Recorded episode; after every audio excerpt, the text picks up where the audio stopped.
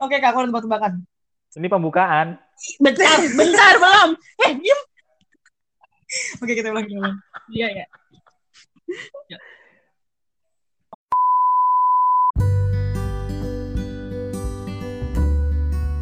Oke, Kak, aku punya tebak-tebakan nih. Kenapa soda susu harus pakai es? Karena kalau kalau nggak pakai es jadi Aku khawatir. jadi jadi oda uu.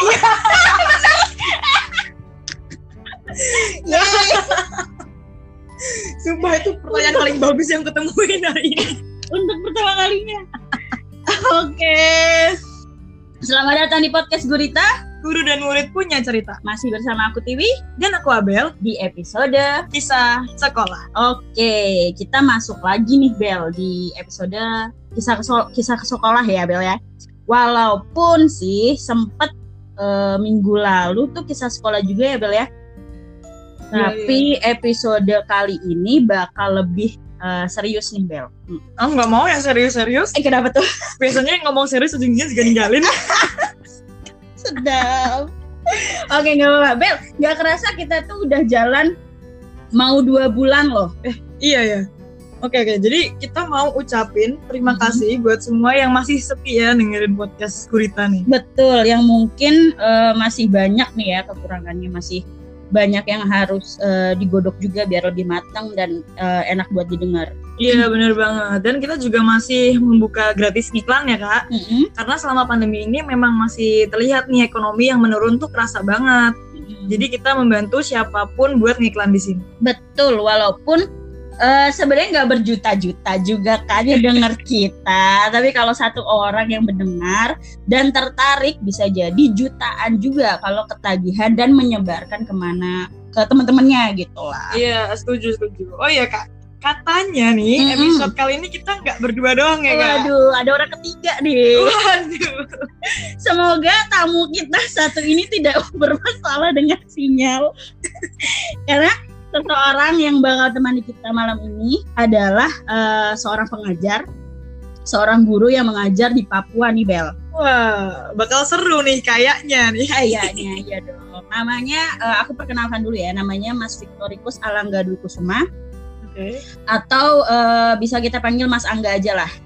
Dia adalah seorang lulusan atau alumni sastra Indonesia UGM Universitas Gajah Mada yang ku kenal dia adalah pribadi yang kreatif selalu ya memiliki ide-ide cemerlang dengan kepribadiannya yang nih yang penting asik nih yang asik lucu fri- friendly juga nih wah kelemahan perempuan kayaknya nih Bel Waduh, waduh, waduh. Mas Angga ini juga pernah eh, berkontribusi menjadi relawan di Sanggar Anak Alam atau Salam yang ada di Jogja. Terus eh, Mas Angga ini juga multi talent nih Bel. Wah. Apa tuh?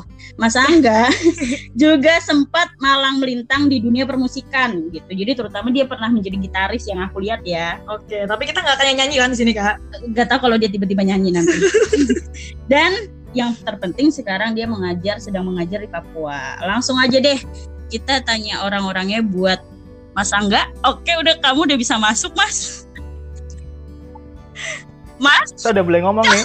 Ah, akhirnya. oke.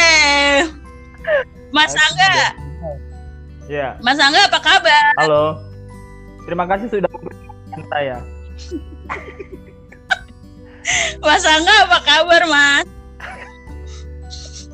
Oh, saya baik-baik. Alhamdulillah. Ada sedikit sakit tapi Oh. Ah, Oh, sakit apa? Pengen banget diperhatiin. nggak mau sini sakitnya agak bikin malu jadi nggak mau saya kasih tahu. Oh, masuk angin.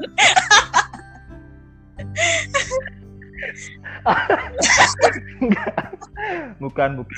Oke, Mas.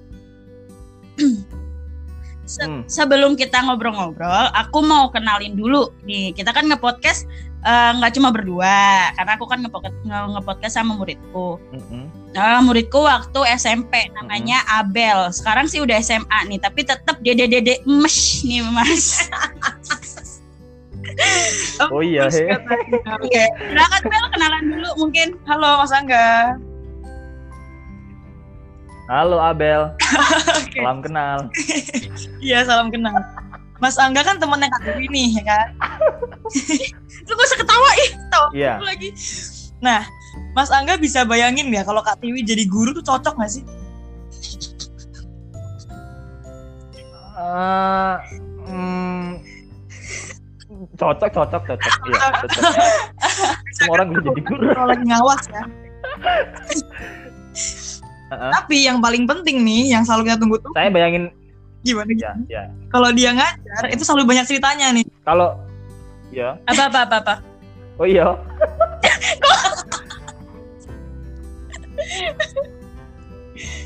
Apa apa apa. Oh saya, kamu mohon maaf nih kayaknya saya ke situ atau kamu ke saya ini agak agak delay, delay beberapa detik begitu sekian detik. Iya iya nggak apa-apa Jadi oh, itu. Iya. Jadi kalau saya bayangin saya sendiri juga, saya bayangin saya sendiri aja nggak cocok jadi guru.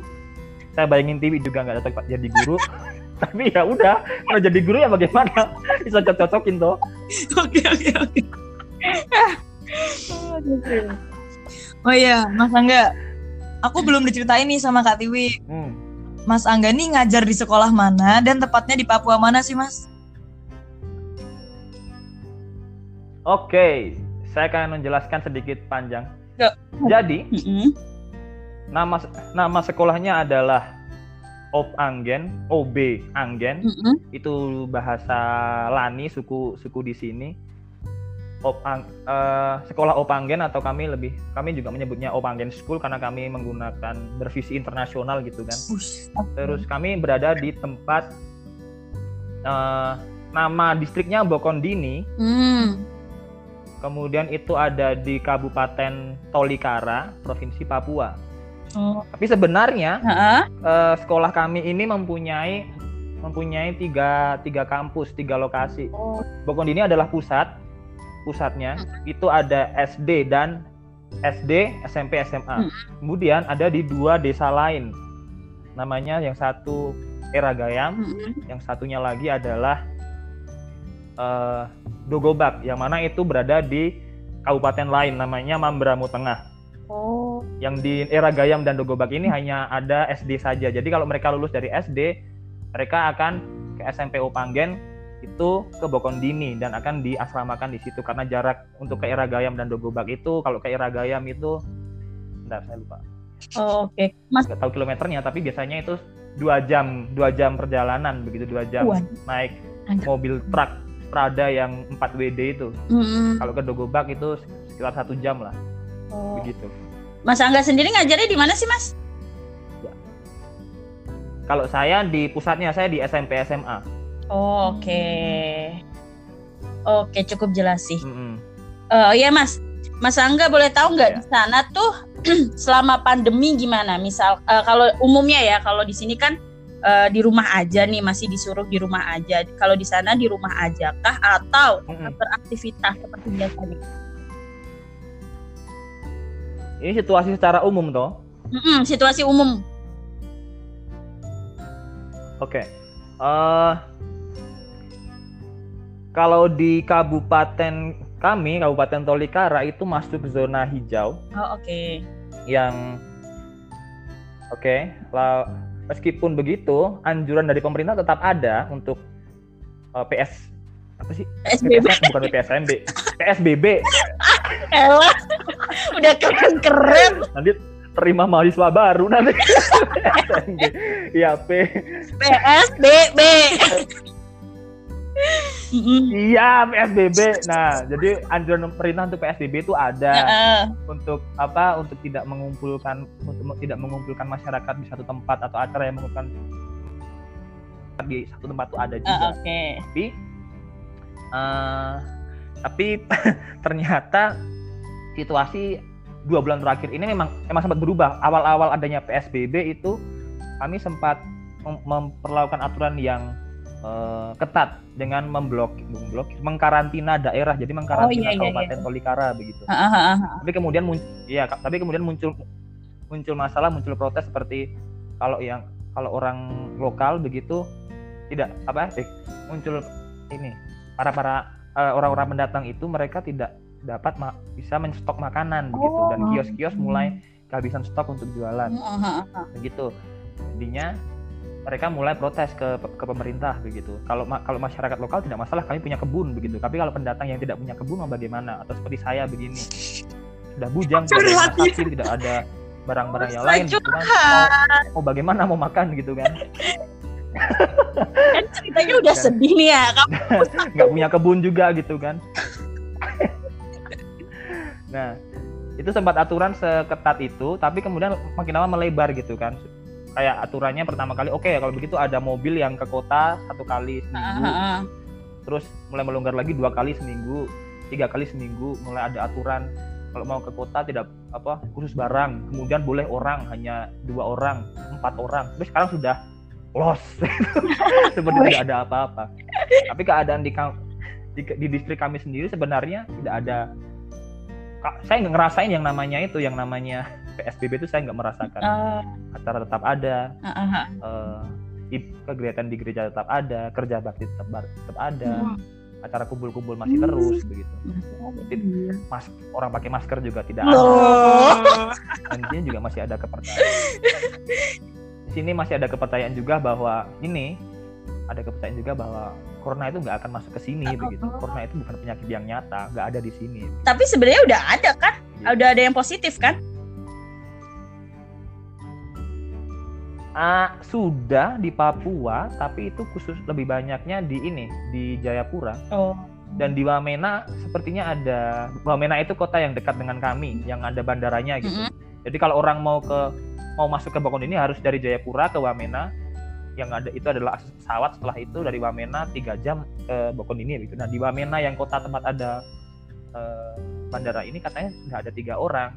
Tapi banyak juga orang yang nggak percaya wah itu bohong-bohong saja itu cuma cuma buat orang apa untuk na- untuk narik untuk narik bantuan saja dari pemerintah. Oh, malah. Tapi saya tidak tahu yang benar yang mana. Oke, sebenarnya sama sih Mas di sini juga gitu. Eh, udah mulai melebar padahal ya masih Iya. banyak juga. Gitu. Oke, Mas. Mhm, mhm. Mhm. Mas kan di sana ngajar ya. Nah, selama Ya. eh, ngajar selama pandemi juga ini kan masih mengajar. nah, eh, belakangan ini nih mungkin Mas eh, Mas juga sering dengar berita-berita tentang pendidikan atau sekolah ya, berjalannya sekolah gitulah selama eh, pandemi. Banyak yang mulai eh, resah dengan pendidikan di masa pandemi. Karena ya ya kita nggak bisa ya ya gimana pun kan pendidikan ini adalah kunci utama yang nggak bisa ditinggalin untuk melihat atau ya untuk melihat maju mundurnya sebuah bangsa begitu betul nggak Bel? Iya iya iya benar benar benar. Dan kalau kami sih Mas Jogja itu kan pakai pelajaran sistem online. Jadi kami tetap berada di rumah dan semua belajar dilakuinnya online, pakai internet, lewat Google Classroom, lewat Zoom atau email atau aplikasi lainnya gitu sih. Mm-mm, betul mas. Terus eh, aku juga Hmm. sebagai guru juga gitu, jadi lewat aplikasi, lewat online itu tadi.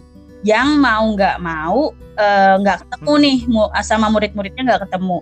Nah kalau Mas Angga nih, Iya. bagaimana sih kondisi dan situasi kegiatan sekolah, Eh, cara mengajarnya selama pandemi itu gimana di sana? Oke. Ini pertanyaan untuk sekolahku toh. Ya dong. Oke. Kalau di sekolah kami, Mm-mm. oke, saya, saya harus kasih sedikit latar belakang. Jadi, tadi yang saya bilang bahwa ada aturan dari pemerintah untuk eh, PSBB dan pelarangan tempat-tempat untuk mengadakan perkumpul apa mengumpulkan masyarakat itu juga ada larangan untuk sekolah untuk beroperasi beroperasi seperti biasanya karena itu juga mengumpulkan kan Ah, Nah, akhirnya semua sekolah harus harus diliburkan atau belajar di rumah. eh. Dan kami, tapi masalahnya adalah eh, untuk sekolah kami kami berpikir bahwa aturan ini sebenarnya sangat tidak masuk sangat tidak masuk kontekstual untuk lingkungan kami. Eh. Oke, kemudian sekolah-sekolah di sini yang lain mereka mati. Tapi anak-anak Ma- libur libur jalan-jalan maksudnya ke pasar lah, kumpul-kumpul. Iya, iya, sekolah-sekolah libur begitu. Oh, oke. Saya bilang mati tadi ya? Iya. Sedih. Oh ya, sorry, sorry, sorry. Maaf, saya harus meralat itu. Sekolah-sekolah libur Heeh. dan tapi dengan situa dengan situasi yang kami tidak menjalankan PSBB, Mm. ya nggak masuk akal gitu kan. Sekolah oke sekolah libur, tapi anak mana? Masih kumpul-kumpul, masih main ke sana ke sini gitu Yep. kan dan kami masih di zona hijau begitu. Mm. Jadi akhirnya sekolah kami membuat sebuah inovasi mengusulkan kami minta izin dari dinas pendidikan langsung nih Mm-mm. kami menawarkan solusi untuk sekolah kami untuk anak-anak kami dengan alasan-alasan seperti, seperti itu tadi karena alasan ini apa aturan itu tidak kontekstual di sini dan kami merasa bahwa kalau kami melindungi anak-anak di area kampus kami itu akan lebih melindungi daripada meliburkan sekolah dan membiarkan anak Iya, ada di luar gitu Iya betul betul betul. jadinya eh, jadinya untuk SD Hmm. untuk SD kami melakukannya dengan cara belajar di rumah tapi belajar di rumah itu setiap hari Senin mereka datang bergantian. Oh tidak. Salah salah salah. Gimana gimana gimana gimana? oh gini. Senin itu Senin itu kelas kelas satu saya nggak ngajar SD jadi kelas 1 datang Selasa Uh-uh. kelas 2 datang Oh. Rabu kelas 3 datang begitu. Mereka datang untuk yo, mereka datang untuk ambil PR dan kumpulkan PR. Itu untuk SD. Oh, gitu. Kenapa kami melakukan itu? Karena di situ yo, rencana kami adalah mengkarantina mereka, tapi mengkarantina anak SD itu akan membuat gila. anak TK, anak kelas 1, kelas 2 di karantina di asrama itu mereka senang kami gila gitu. Jadi, Iya, iya. Jadinya kami melakukan itu untuk SD. Nah, untuk SMP, SMA kami melakukan karantina. Jadi anak-anak itu kami masukkan ke sekolah, Hmm. ke asrama. Eh, itu sebenarnya pilihan juga. Kami berikan pilihan. Kamu mau or- orang tua boleh menentukan nasib anaknya mau dimasukkan asrama atau tidak. Masuk asrama berarti harus mempersiapkan bahan makanan, Oh, kasur dan sebagainya harus di harus dibawa begitu. Nah, selama menjalankan proses itu tidak boleh ada yang masuk keluar masuk dari lingkungan kampus, lingkungan sekolah. Guru tidak boleh keluar. Orang tua juga kalau mau mengirimkan makanan tambahan atau menjenguk harus dari luar pagar begitu. Jadi intinya adalah kami mengkarantina sebagai komunitas, sebagai komunitas besar. Kami sekitar 100 orang di situ. Dan ada banyak eh, tempat-tempat untuk cuci tangan lah dan sebagainya gitu. Hmm. Nah, dengan modal itu kami minta izin ke Dinas Pendidikan Provinsi Papua dan kami diizinkan untuk menjalankan itu dan kami adalah sedikit dari sekolah-sekolah yang berjalan di masa pandemi itu. oh, Iya. Oke, ber- eh, berarti itu sekolah kamu. Kalau umumnya sekolah kebanyakan libur gitu. Iya. Banyak kan libur, Oh. bener-bener libur. oh ya Mas. Kalau dari pemerintah setempat, Hmm. entah dari kepala desa atau dinas pendidikan di sana, peraturan kegiatan belajar mengajarnya gimana sih Mas? Hmm. Apa masih kayak di sini diharusin online atau gimana? Ya, kalau dari selebaran yang saya terima dua bulan lalu, Mm-mm. kalau belum diperbaharui ya, karena sekarang sekolah kami sudah libur, ini sekolah kami sudah libur tiga minggu nih. Dua minggu lagi kami masuk tahun ajaran baru. Oh ya. Jadi eh, waktu itu ya sekolah nggak boleh beroperasi, nggak boleh beroperasi se- secara secara ini, secara secara normal. Kami harus melakukan belajar di rumah, belajar di rumah dan menggunakan internet. Tapi internet di sini itu tidak bisa diandalkan begitu. Sama seperti Ini masih sekarang untung, ya. masih untung di Bokondini itu, ya masih untung di Bokondini itu masih ada sinyal Telkomsel Hmm. dan kadang-kadang internet masuk. Bayangkan kalau di tempat-tempat yang bener-bener kampung yang ada di gunung-gunung begitu, itu masih ada banyak tempat yang tidak bener-bener ada internet itu masih banyak. Mm-mm, Iya betul. Oke, terima Dan itu tidak mungkin lagi untuk menjalankan menjalankan proses belajar yang pakai Zoom, pakai Google Meet itu nggak akan Iya. bisa. Iya betul. Iya, Telkomsel boleh iklan di kita. Kita buka iklan. Oh, oh, oh. Saya menyebutkan Gak apa-apa, gak apa-apa. Gak apa-apa sih. Siapa tahu kan? Oh ya Mas. Eh, Ya. Di sini kan eh, sekolah online ya itu tadi ya berjalan, tapi banyak keluh-keluhan nih Mas, kayak misalkan dari murid, dari guru atau bahkan dari orang tua murid pasti eh, banyak lah keluhan. Aku yakin mungkin di tempat Mas juga ada lah keluhan-keluhan dari murid atau orang tua murid gitu. Nah di situ tuh keluhannya semacam Oh, iya. eh, kalau di sini kalau di sini keluhannya tuh kayak semacam fasilitas karena ya eh, nggak semua orang misal tuh punya HP, punya laptop gitu kan nggak nggak semua Hmm. orang. Bahkan aku Mm-mm. dua hari yang lalu lah atau tiga hari yang lalu ada beberapa berita eh, yang mengatakan banyak orang tua murid yang menjual barang-barang rumahnya buat beli laptop, beli HP gitulah pokoknya buat eh, fasilitas eh, sekolah anaknya gitu karena ya itu tadi sekolahnya udah berbasis online gitu kan. Iya tuh mas, kayak aku juga sebagai murid itu harus siapin kuota internet juga kan yang apa kadang harus bener-bener butuh banyak gitu kan buat bikin video, ngirimnya lagi, buat buka materi, buat zoom dan lain-lain gitu. Nah, kurang ya kurang lebih Mm-mm. sama semacam eh, mungkin memang kurang efektif atau eh, aku mikirnya mungkin bisa juga kita kurang terbiasa atau gimana. Nah, kalau dari Mas Angga nih, sebenarnya nyaman nggak sih mengajar dengan kondisi seperti yang udah eh, Mas jalankan atau Mas tadi ceritakan? Oke. Eh, kalau di tempat kami keluhan-keluhan seperti semacam itu masalah kuota internet dan itu tidak ada ya. Karena kami tidak menggunakan sistem pelajaran online. Oke. oke. Jadi Jadi kalau di SMP SMA itu kan karena kami kasih pilihan. Kami kasih pilihan ke orang tua begitu kan. Silahkan membiarkan anaknya untuk masuk ke asrama selama pandemi ini atau tidak. Mm-mm. Ada sebagi- sebagian kecil mereka tidak mengizinkan, sebagian besar mereka mengizinkan. Oke. Nah, waktu mereka masuk asrama Mm-mm. itu dan kami harus dibagi menjadi dua kampus untuk SMP SMA yang harusnya hanya di Bokondini kami harus mem- membagi dua menjadi di era Gayam dan di Bokondini karena ada anak SMP juga yang dari era Gayam gitu. Mm-mm. Nah, akhirnya guru juga harus dibagi setengah ke sana setengah ke sini. Nah, jadinya kami tidak mengguna tidak menjalankan pe- pembelajaran yang seperti biasa. Kami tidak mengajarkan subjek seperti biasa, tidak menjalankan kurikulum seperti biasa. Yang menjalankan yang kurikulum yang di- yang hanya dilakukan itu hanya untuk sains saja. Oh. Dan mereka pun belajar sains itu belajar sendiri dengan kami ada sistem intranet ya, di mana anak semua belajar dari laptop begitu. Mm-mm. Di situ guru sebagai coach, sebagai fasilitator saja. Mm-mm. Kemudian ada beberapa pelajaran lain seperti ada leadership, ada movie and discussion, seperti ada juga itu apa kelas kelas membaca buku begitu kan. Dan Hmm. itu kami harus meng- mem- mem- mem- membawa kela- kelas itu akan terdiri dari dari anak-anak yang yang berbeda level kelasnya dari kelas 7 Ya. sampai kelas 11 Mm-mm. itu kami jadi satu. Waduh, Itu, itu adalah tantangan yang baru bagi guru. wow. Rame ya. itu adalah tantangan tantangan yang baru buat buat buat buat buat, kami begitu. Untungnya sekolah kami bukan sekolah yang besar sekali begitu kan. Jadi dari kelas 7 sampai kelas 11 kami isinya hanya 35 35 anak, Gak banyak ternyata ya. 35 anak begitu. Mm-mm. Iya. Jangan bayangkan kelas 7 sampai kelas 11 ternyata 1000 tidak, tidak. Itu namanya seminar, itu seminar. Mohon maaf ya, mohon maaf.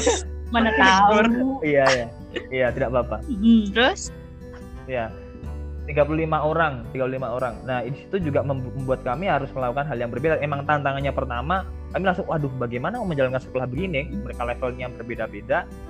Bagaimana mau menjalankan kelas yang sama? Oke, sains masih bisa karena mereka belajar sendiri. Masing-masing me- menentukan level mereka. Nah, untuk pelajaran yang lain akhirnya yaitu kami ada kelas leadership, ada kelas membaca buku yang mana itu bisa tetap menjalankan kegiatan sekolah dengan anak-anak yang berbeda level kelasnya begitu level ya level kelasnya dan itu awalnya emang nggak enak nggak nyaman. Dan apalagi kami guru-guru juga eh, juga nggak boleh keluar gitu, gitu kan. Seharusnya hari Sabtu itu saya bisa keluar ke pasar. Itu yang refresh diri saya begitu. Atau sore-sore saya lari ke mana-mana naik sepeda gitu kan. Itu yang bisa refresh gitu kan. Tapi selama pandemi kan nggak bisa. Ah, tapi ya pilihannya adalah kamu mau nyaman apa enggak gitu kalau te- tetap nggak mau nyaman ya udah akan mengeluh terus akan Oh iya. ah coba kalau begini saya pasti akan begini ah coba kalau begini saya pasti begini ya udah akhirnya saya milihnya untuk ya saya harus menikmati ini saya harus berikan yang terbaik jadi intinya adalah saya pilih untuk nyaman kalau kita ditanya kamu nyaman apa enggak oke saya pilih untuk nyaman dan saya me- me- membuat diri saya nyaman Hmm. daripada untuk menyalahkan keadaan gitu. Iya betul sih betul betul. Emang awalnya em- emang tantangannya sangat berbeda daripada mengajar di Kelas. eh, di jam-jam yang biasa Nah. sebelum pandemi begitu ya. Oke. Mm-mm.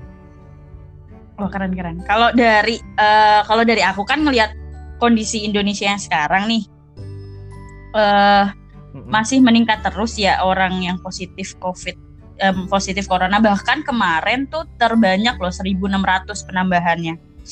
Nah cuma kepikiran eh, sekolah kalau memang harus tetap online yaitu tadi memang harus ada perubahan atau yang mas eh, atau kebiasaan baru atau yang mas bilang ya mau nggak mau ya harus nyaman kayak gitu. Iya, sesuatu perubahan ya mungkin fasilitas yang benar-benar harus diperhatikan ya kak. Ya Mas Angga. Nah, betul. Jika memang eh, mungkin mungkin tetap ingin sekolah diadakan nih dalam artian eh, masuk kembali seperti biasa harus ada protokol yang jelas gitu. Ya itu yang sebelumnya bahas juga ya kak. Mm-mm. Mungkin harus ada sekolah pagi dan siang biar siswanya lebih sedikit di kelas gitu. Betul dan atau ya itu tadi yang Mas Angga eh, ceritain ya kayak kelas sat- eh, SD-nya ada yang hari Senin kelas 1 dan lain sebagainya. Iya iya iya. itu pun jika tetap ingin di sekolah mungkin eh, mungkin ya dikhususkan yang sudah eh, zona hijau daerahnya kalau mem kalau masih zona merah Mm-mm. Sebaiknya jangan dululah eh, sekolah ini masuk gitu. Iya iya. Nah, Mas Angga pernah nggak sih kepikiran kalau sistem sekolah yang sekarang di masa pandemi ini tuh kurang efektif? Atau Mas Angga pernah mikir harusnya tuh gini, harusnya tuh gitu? Gitu. Pernah nggak? Oke, ah gimana ya? Kalau mer- mungkin saya bilangnya lebih ke pendidikan bukan sekolah. ya. Oke. Oke. Sekolah itu kan seperti media untuk menjalankan pendidikan gitu kan. Hmm. Oke. Kalau mis kalau misalnya kita melihat pendidikan eh, sebagai pertemuan guru dan murid di sekolah begitu kan, Mm-mm. dalam ruang kelas yang harus mengejar kurikulum yang harus dicapai, ini jelas-jelas tidak efektif. Heeh. Kalau kita melihat pendidikan seperti itu gitu kan. Apalagi di daerah kampung seperti seperti tempat saya nggak ada yang nggak ada internet begitu kan atau gitu kan jadi nggak nggak akan efektif Iya. kami nggak akan ada pertemuan Iya. sama sekali gitu Nah, tapi kalau kita melihat pendidikan itu sebagai proses belajar, well, saya pikir eh gini, Dor. saya tidak tahu efektif atau tidak efektif, tapi saya per- saya percaya, saya saya menghargai orang-orang yang memikirkan, yang bertanggung jawab untuk memikirkan ini, pemerintah misalnya, menteri pendidikan atau orang-orang di sana yang berpikir bagaimana menjalankan sistem pendidikan ini pasti mereka terus sudah berpikir yang terbaik, mereka sudah memberikan yang terbaik. Mm-mm. dan menawarkan eh, menawarkan menawarkan sistem yang masih memungkinkan kita untuk belajar begitu. Meskipun itu tidak bisa cocok untuk semua daerah itu biasa gitu kan. Bagaimana bisa mem- membuat satu satu hal yang bisa cocok untuk semuanya semua daerah begitu. Jadi saya lebih melihat kalau eh, lebih baik memang setiap sekolah itu mempunyai cara sendiri untuk siap berinovasi Iya, betul. berinovasi Betul. maksudnya ma- berinovasi maksudnya me- mencocok-cocokkan apa yang apa yang bisa saya lakukan dengan situasi seperti ini ada larangan tapi dan nggak ada ada larangan nggak ada internet begitu apa yang bisa saya, saya lakukan gitu kan Mm-mm. dan eh, lebih lebih penting lagi eh, proses belajar proses belajar itu adalah motivasi dari anak begitu kan Heeh. Oh iya. motivasi dari anak-anak Mm-mm. motivasi motivasi dari guru juga maksudnya mo- motivasi masing-masing orang gitu kalau misalnya misalnya kita pemeri- pemerintah atau orang-orang yang bertanggung jawab untuk untuk memberikan sistem pendidikan yang terbaik selama pandemi sudah kasih yang paling memungkinkan Mm-mm. tapi anak juga tidak termotivasi untuk belajar atau guru juga tidak termotivasi untuk memberikan eh, aktivitas atau pengajaran yang terbaik yang dia bisa lakukan Mm-mm. Dan alasannya ah kalau begini mah saya nggak dengan situasi seperti ini saya nggak nyaman saya nggak biasa ngajar lewat internet saya nggak jadi nggak bisa keluarin uh, kemampuan terbaik saya. Ya ya udah kalau gitu mah nggak akan pernah efektif gitu kan. Betul. nggak akan pernah bisa efektif tapi kalau misalnya paling tidak sebagai anak memang tugasnya adalah mereka mau menemukan motivasi diri. Tapi untuk anak SD itu kan memang memang mereka belum mengerti gitu ya. Perlu perlu banyak dorongan gitu kan. Nah di sini tugas guru, tugas guru bukan hanya sekedar menjalankan kurikulum tadi ini udah nonsen lah bu- buang dulu lah kurikulum itu. Ini ini kita harus melihat ini sebagai kesempatan gitu. Guru itu lebih baik sekarang ini lebih fokus ke mo- kasih motivasi kasih inspirasi gitu kan. Memberikan peng- contoh-contoh terbaik pada mereka. Misalnya kayak gini. Waktu di ber- beberapa kayaknya beberapa minggu lalu sanggar anak alam mereka kasih sebuah video eh bukan video apa sih itu namanya live Instagram live Instagram Oh, ya Allah, iya, Mas. iya, namanya lagi fasilitator dan anak-anak iya Kenapa video? iya Fas- fasilitator dengan anak-anak begitu Aha. fasilitator dengan anak-anak. Nah, biasanya fasilitator yang men- memantau perkembangan proses belajar anak. Nah, di sini mereka buat acara anak yang sekarang tanya selama pandemi itu fasilitator ngapain sih? Kalian belajar apa sih? Produk apa yang sudah kalian hasilkan begitu. Mm-mm. Nah, itu kan juga memberi motivasi oh bahwa kami sebagai pengajar pun juga belajar. Kami sebagai pengajar pun memberi contoh bahwa kami juga mau belajar nih gitu Mm-mm. dan banyaklah eh, sumber-sumber yang yang bisa me- me- membuat guru itu berkembang saat ini apalagi dengan internet, Mm-mm. YouTube, lalu artikel-artikel di artikel-artikel kita tuh banyak untuk me- me- me- me- membuat kita ter- terinspirasi Mm-mm. untuk masuk ke guru begitu kan baru guru akan membagikannya kepada murid-murid gitu kan bahkan guru bisa oke sekarang kita akan misalnya saya mau kasih tahu ke kalian nih dal- dalam zoom saya mau kasih video singkat nih saya kegiatan saya dengan anak-anak di rumah saya ada kesempatan di pandemi ini saya mengajari anak-anak saya yang masih kelas tiga, masih umur 3 dan 4 tahun mereka untuk menyapu halaman atau menyapu nah itu kan kegiatan yang memotivasi gitu. Iya. saya guru juga punya kegiatan gitu. Aha. atau saya juga ini saya sedang belajar menganyam atau belajar membuat rajut begitu. Kamu belajar apa? Mulai berbagi begitu kan. Nah itu adalah memotivasi menginspirasi anak-anak untuk juga berbuat hal yang sama Mm-mm. karena mau bagaimanapun kalau kita kasih sistem pendidikan itu tadi kembali ke motivasi gitu kan kalau anak kita bisa ngajak kuda itu ke tempat air tapi kita nggak bisa maksa dia minum Mm. yang meminum ya dia sendiri Iya. motivasi dari dalam diri gitu. Keren. Oke. Kan saya bangga ngundang Anda kan. iya saya juga Akhirnya capek. ada manfaatnya. Tapi ya benar juga sih eh, sebenarnya mungkin banyak sekolah yang eh, nggak jarang yang sekolah tuh bingung kayak misalkan eh, mau ngapain lagi ya sama murid-murid mau gimana ngajarinnya. Tapi sebenarnya kalau memang mau belajar dari karena kan nggak semua sekolah ya yang nggak nggak tahu nih harus ngapain karena banyak juga yang sekolah tuh ya itu tadi yang Mas bilang kreatif dan mm, apa menginspirasi dan lain sebagainya mungkin ya itu tadi kembali ke guru yang mau mencari tahu juga nih gimana sih biar ngajar lebih lebih efektif Mm-mm. kayak gitu itulah Mm, mm, mm, mm. Kalau aku nih mas sebagai murid ya, aku tuh ngerasain enak nggak enaknya mm. sekolah online nih. Nah, eh, enaknya adalah aku bisa sekolah tanpa mandi. Dan aku nggak ada yang namanya kecolongan iya bolpen, iya alat tulis lain ya kan. Tapi nih dengan adanya sekolah online, kita kan nggak ketemu langsung nih. Kita jadi males. Jadi ah nanti aja deh Oke. kalau kita Iya. nggak masuk ke kelas online bilang aja internetnya jelek gitu kan. waduh Nah, Hmm. dan juga kita nggak ngerasain belajar sama sekali. Kita cuma oh iya iya iya iya selama zoom tinggal iya iya ngerjain tugas seenaknya aja. Terus materinya ngilang gitu aja nggak ada yang masuk. Iya. Mas Angga kalau Iya. di sana ada keluhan nggak sih selama sekolah di masa pandemi ini? Dan biasanya apa yang mereka keluhin? dari murid-murid mas Iya, Ah, gu- dari- gurunya jangan ngeluh. Enggak, Semangat. gurunya jangan ngeluh semangat Semangat. Dari Oke.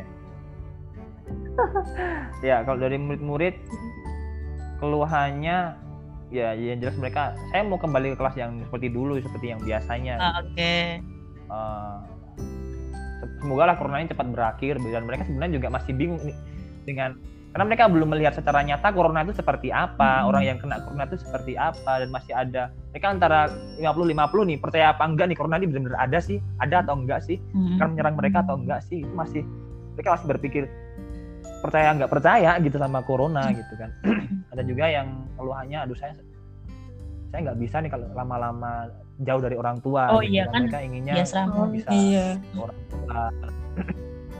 Mm, dan di sini juga budaya untuk bertemu orang atau itu sangat budaya yang jabat erat sampai peluk peluk peluk erat begitu kan. Kalau ketemu harus peluk salam itu sampai beberapa detik begitu. Dan mereka harus uh, ketika di jalan begitu ya kalau ketemu orang tua mereka nggak boleh melakukan itu begitu kan. Aduh saya nggak sedang nggak tidak boleh untuk bersalam saya tidak boleh untuk berpelukan mama tolong mama di situ saja. Kasih sayur ke kami begitu ya kasih bahan makanan ke kami dan itu juga sebuah siksaan untuk budaya di sini yang harus kalau ketemu harus jabat harus peluk begitu oke okay. seperti itu saja sih dan kadang-kadang ya keluhan dari kelas 7 misalnya kelas 7 yang mungkin kadang-kadang merasa ih materi kok kenapa terlalu berat oh, mereka karena hmm. kami juga karena kami atau, atau yang kelas paling atas ini kenapa materinya kok terlalu lambat? Gitu kan. Oh iya betul. dua -dua, oh, iya benar-benar gitu. Iya sih. Ya sebenarnya sama sih di sini juga kayak gitu. Jadi ada yang uh, merasa uh, kayak udah pernah uh, diajarin tapi ada yang bilang uh, kok tiba-tiba hmm. diajarin ini? Gitu. Banyak juga sih sebenarnya oke kalau dari cerita Mas hmm. tadi kan ya uh, sebenarnya tuh sejauh ini nih uh, apakah hmm. sudah ada uh, bantuan dalam bentuk apa pun lah gitu yang uh, entah juga diberikan oleh pihak mana pun untuk keberlangsungan pendidikan atau sekolah Mas Angga di masa pandemi di sana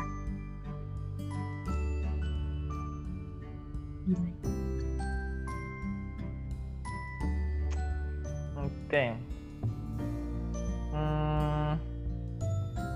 kalau untuk pendidikan, mohon maaf kalau saya salah atau saya tidak tahu, tapi selama sampai sekarang ini tidak ada. Saya, saya belum mendengar bahwa sekolah kami mendapatkan bantuan itu. Kalau ternyata ada dan saya tidak tahu, saya mohon maaf. Tapi saya tidak tahu bahwa itu sebenarnya belum ada. Kami tidak mendapatkan apa-apa. Bantuannya ya sudah kami mendapatkan izin untuk menjalankan sekolah itu sudah bantuan besar buat kami. Begitu.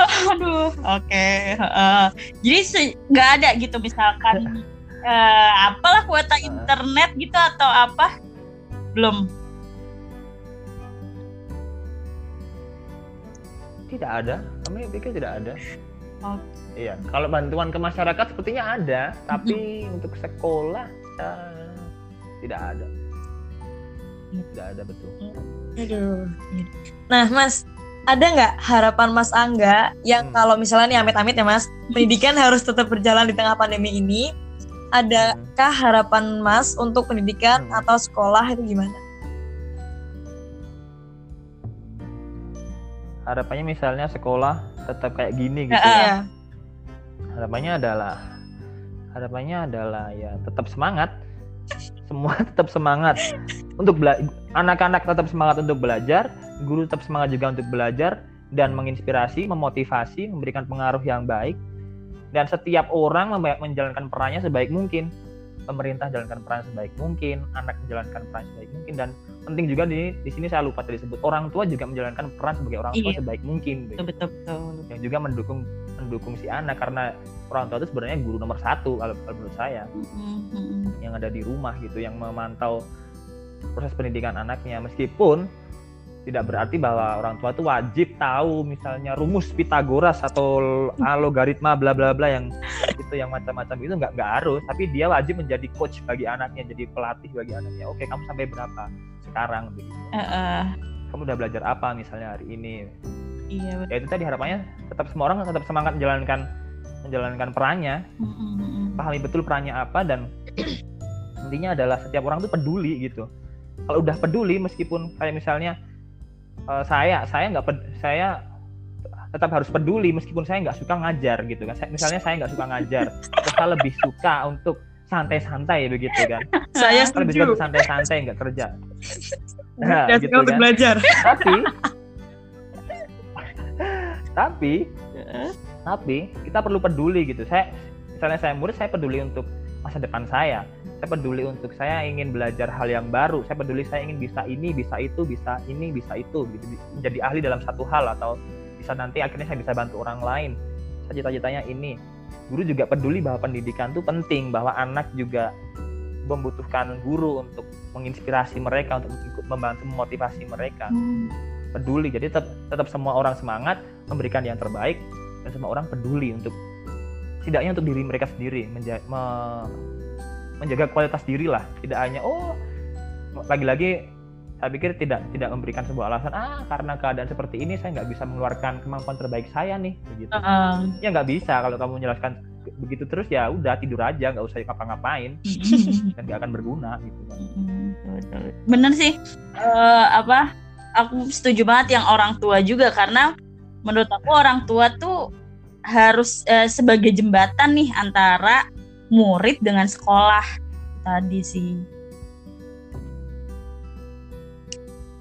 Gitu deh.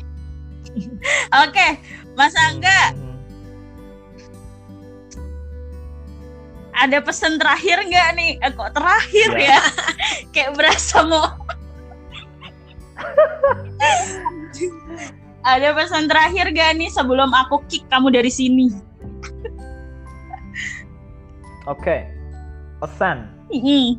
Pesannya adalah untuk guru, untuk murid, hampir sama. Adalah melihat ini sebagai kesempatan begitu. Melihat situasi ini sebagai kesempatan. Kesempatan untuk apa?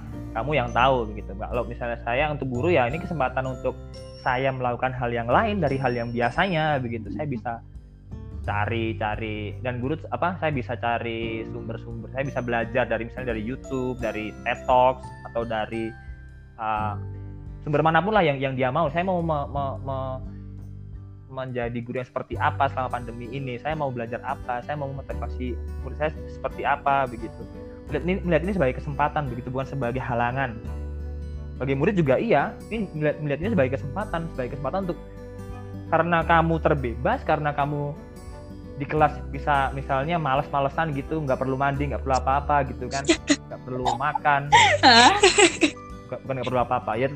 Setidaknya pakai baju lah saya pakai baju. Jadi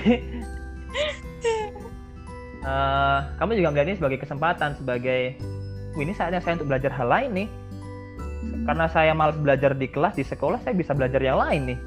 Gitu kan? Ah, iya, Hmm. mungkin misalnya kamu punya mama yang pinter banget masak masakannya selalu enak gitu. Wah, ini tapi kamu nggak pernah tahu gitu kan ini kesempatan saya untuk belajar dari mama saya nih. Mm-mm. gitu. Atau bapak saya ternyata dia pintar bikin kebun dia pintar. Eh, bengkel. Wah ini kesempatan untuk untuk untuk belajar dari bapak saya. Misalnya pak lain eh, kapan-kapan saya ikut ke bengkel lah lihat-lihat begitu. Atau kalau bapak ada kesempatan ajari saya begitu. Mm-mm. dan banyak lagi begitu. Kamu kesempatan untuk baca buku nih. Kamu punya kuota internet kamu kesempatan untuk lihat banyak banyak banyak situs yang mendukung pendidikanmu mendukung minatmu. Kamu kesempatan untuk untuk cari tahu minatmu gitu tanpa ter, terbebani dengan PR PR PR yang kamu tidak suka begitu Mm-mm. nggak semua pelajaran pas- pasti kamu suka kan nah ini kamu bisa terbebas gitu kan mau nggak ngerjain PS juga bebas tapi saya bisa kesempatan untuk belajar yang lain gitu Betul, betul. jadi adalah melihatnya sebagai kesempatan sih bukan sebagai halangan itu intinya di situ Wis. wow. orang tua juga melihatnya sebagai kesempatan untuk misalnya kalau di rumah aja ya udah ini kesempatan untuk me- untuk menjadi orang tua yang baik untuk berbagi ilmu atau punya waktu yang baik dengan anak-anak dengan keluarga gitu dengan dengan melakukan kegiatan bersama dalam Mm-mm. konteks rumah misalnya begitu. Bersih bersih bersama bersih bersih tempat bersih bersih mobil bersih motor bareng bareng yang biasa tapi kalau kita lihat itu itu itu hal yang menyenangkan gitu loh bisa dengan waktu dengan keluarga itu luar biasa gitu Iya betul betul. tanpa harus berpikir waduh besok harus sekolah besok harus bangun jam 7 besok harus nyiapin makanan bla bla bla wah ini kesempatan baik nih kita ada di rumah bareng bareng Iya betul betul. itu dia. Keren keren keren. Oke, Mas Angga. Makasih ya atas waktunya. Udah nih. Sudah nih Sudah kok nih. pengen banget Iya. cepet-cepet matiin Anda. ya oke, semoga Mas Angga di sana tetap eh, baik-baik aja dalam mengajar, diberi kesehatan. Hmm, Yang katanya lagi sakit, aku perhatian Amin. nih sama kamu nih. Semoga kamu sehat ya. oh terima kasih Kau sangat berarti ntar aku cut yang ini aku edit aku cut aku edit yang ini. Agar eh, ya tetap selalu menjadi. Gak usah ketawa. eh. ya semoga eh, kamu bisa jadi guru yang dibanggakan di sana ya Mas ya. Dan. Mm. Semoga pendidikan juga semakin adil ya dalam pemerataan fasilitas, biar Mas Angga dan guru-guru lainnya yang mengajar di Papua juga nggak kesulitan, dan murid-murid di sana juga lebih mudah dalam menjalani pendidikan. Makasih ya Mas, kapan-kapan kalau ada waktu jangan kapok, kita ngobrol lagi di podcast Gurita ya. Kayaknya dia kapok deh. Iya. Iya. Iya. Iya, iya, saya Kalian juga hebat loh. Kalian itu tetap semangat. Apa-apa. Kalian tetap semangat sama kegiatan ini itu sangat positif. Saya sangat sangat mendukung sekali dengan apa yang kalian lakukan. Wow, makasih loh. Aku Orang sanjung. bicara begitu. Itu tetap semangat. Iya. Lakukan terus itu. Lanjutkan terus. Apa pun halangannya. Eh, bukan halangan. Ayo, ya tadi kebaikan. ngomong apa? Ayo, ini bukan halangan loh. Sorry, sorry. Makanya saya salah. Saya meralatnya. Lihat apa pun sebagai kesempatan. Iya, Oke, betul. bagus. Oke, Mas. Makasih, Makasih ya Mas ya. Aku tutup ya dadah. Mm-mm. Dah. Oke. Oke. Mas Angga sudah aku mau ngomong tiada. Maaf Mas ya Allah. Seru banget ya Bel. Eh, sebenarnya bahas kayak gini tuh nggak cukup ya eh, sejam atau dua jam butuh butuh berhari-hari kayaknya nih emang. Emang, nih. emang, emang, emang. Apalagi denger-denger ada berita Mm-mm. sekolah online ini bisa jadi dibuat permanen. Iya Kak. betul ya Allah. Nah itu padahal eh, sekolah atau pendidikan tuh bukan hanya tentang eh, mereka yang mau dapat nilai 100 tetapi juga eh, sosialisasinya bagaimana yang tadi Mas Angga bahas ya setiap anak tuh menghadap mungkin bisa menghadapi masalah eh, masalah di sekolah, masalah dengan teman-temannya ataupun guru-gurunya gitu ya. Iya, kreativitas anak juga bermacam-macam kalau di sekolah ya kak. Aku nggak setuju sih kalau emang bener-bener jadi permanen walaupun corona udah nggak ada. Heeh. Nggak kebayang aja kalau misalnya sekolah tuh tetap online gitu. Bener-bener nggak kebayang sama aku. Iya bener. Kalau beneran permanen nih sekolah online isinya cuma murid yang bilang oke. Abis itu kopas jawaban lewat Google selesai gitu aja gitu kan karena ya eh, itu tadi mungkin nggak bisa diawasi langsung oleh gurunya. Betul sekali. Dan cuma kebentuk orang-orang yang bilang yang penting aku dapat nilai 100 nggak peduli mau itu jujur, mau itu kopas. Aduh. Iya betul. Mungkin tadi motivasi dari Mas Angga apa yang disampaikan oleh Mas Angga atau eh, apa sih apa sih eh, cara ngajar di sana ya, cara sekolah di Iya, sana tuh iya, juga iya. mungkin bisa jadi panutan juga nih yang buat teman-teman yang ada di Jogja ataupun di daerah-daerah lainnya gitu. Iya, bisa Oke. jadi buat pembelajaran kita juga ya kak. Mm-mm. Semoga keadaannya semakin membaik. Eh, tidak ada lagi keluhan-keluhan perihal pendidikan. Tolong Anda jangan ngeluh sebagai murid karena ya memang rawan banget nih ya masalah pendidikan di masa pandemi. Iya, dan sebagai guru juga jangan mengeluh ya kan. Mm-mm. Selain itu juga perekonomian ya kak, semoga cepat pulih kembali. Kita semua kembali mendapatkan rezeki yang lancar lagi. Amin. Oke, aku pantun ya Bel ya. Bentar bentar belum aku suruh, biasanya aku yang Oh ya. minta. oke. Oke, pantun kak. Oke, pagi-pagi si Rina minum es. Mantap. minum es di ruangan yang sempit. Pendidikan memang tidak menjamin sukses, tapi tanpa pendidikan segalanya menjadi rumit. Waduh. Mantap, mantap, mantap. Oke nih, wah terpanjang nih kayaknya nih. Iya, iya, iya. iya. Oke. Dan ini eh, pertama kali kita ketemu ya Bel ya. Oh Rekaman iya, mereka nggak tahu kalau kita ketemu Iya sekarang. sih, eh kelihatan kok dari sini nih kalau kita rekaman gini tuh nggak ngadet-ngadet loh Bel. Cuma Oh, Mama iya. Cuma Mama Sangga tadi ngadet-ngadet. Oke. Ya udah, oke, dadah swag. Sampai jumpa entah kapan ya.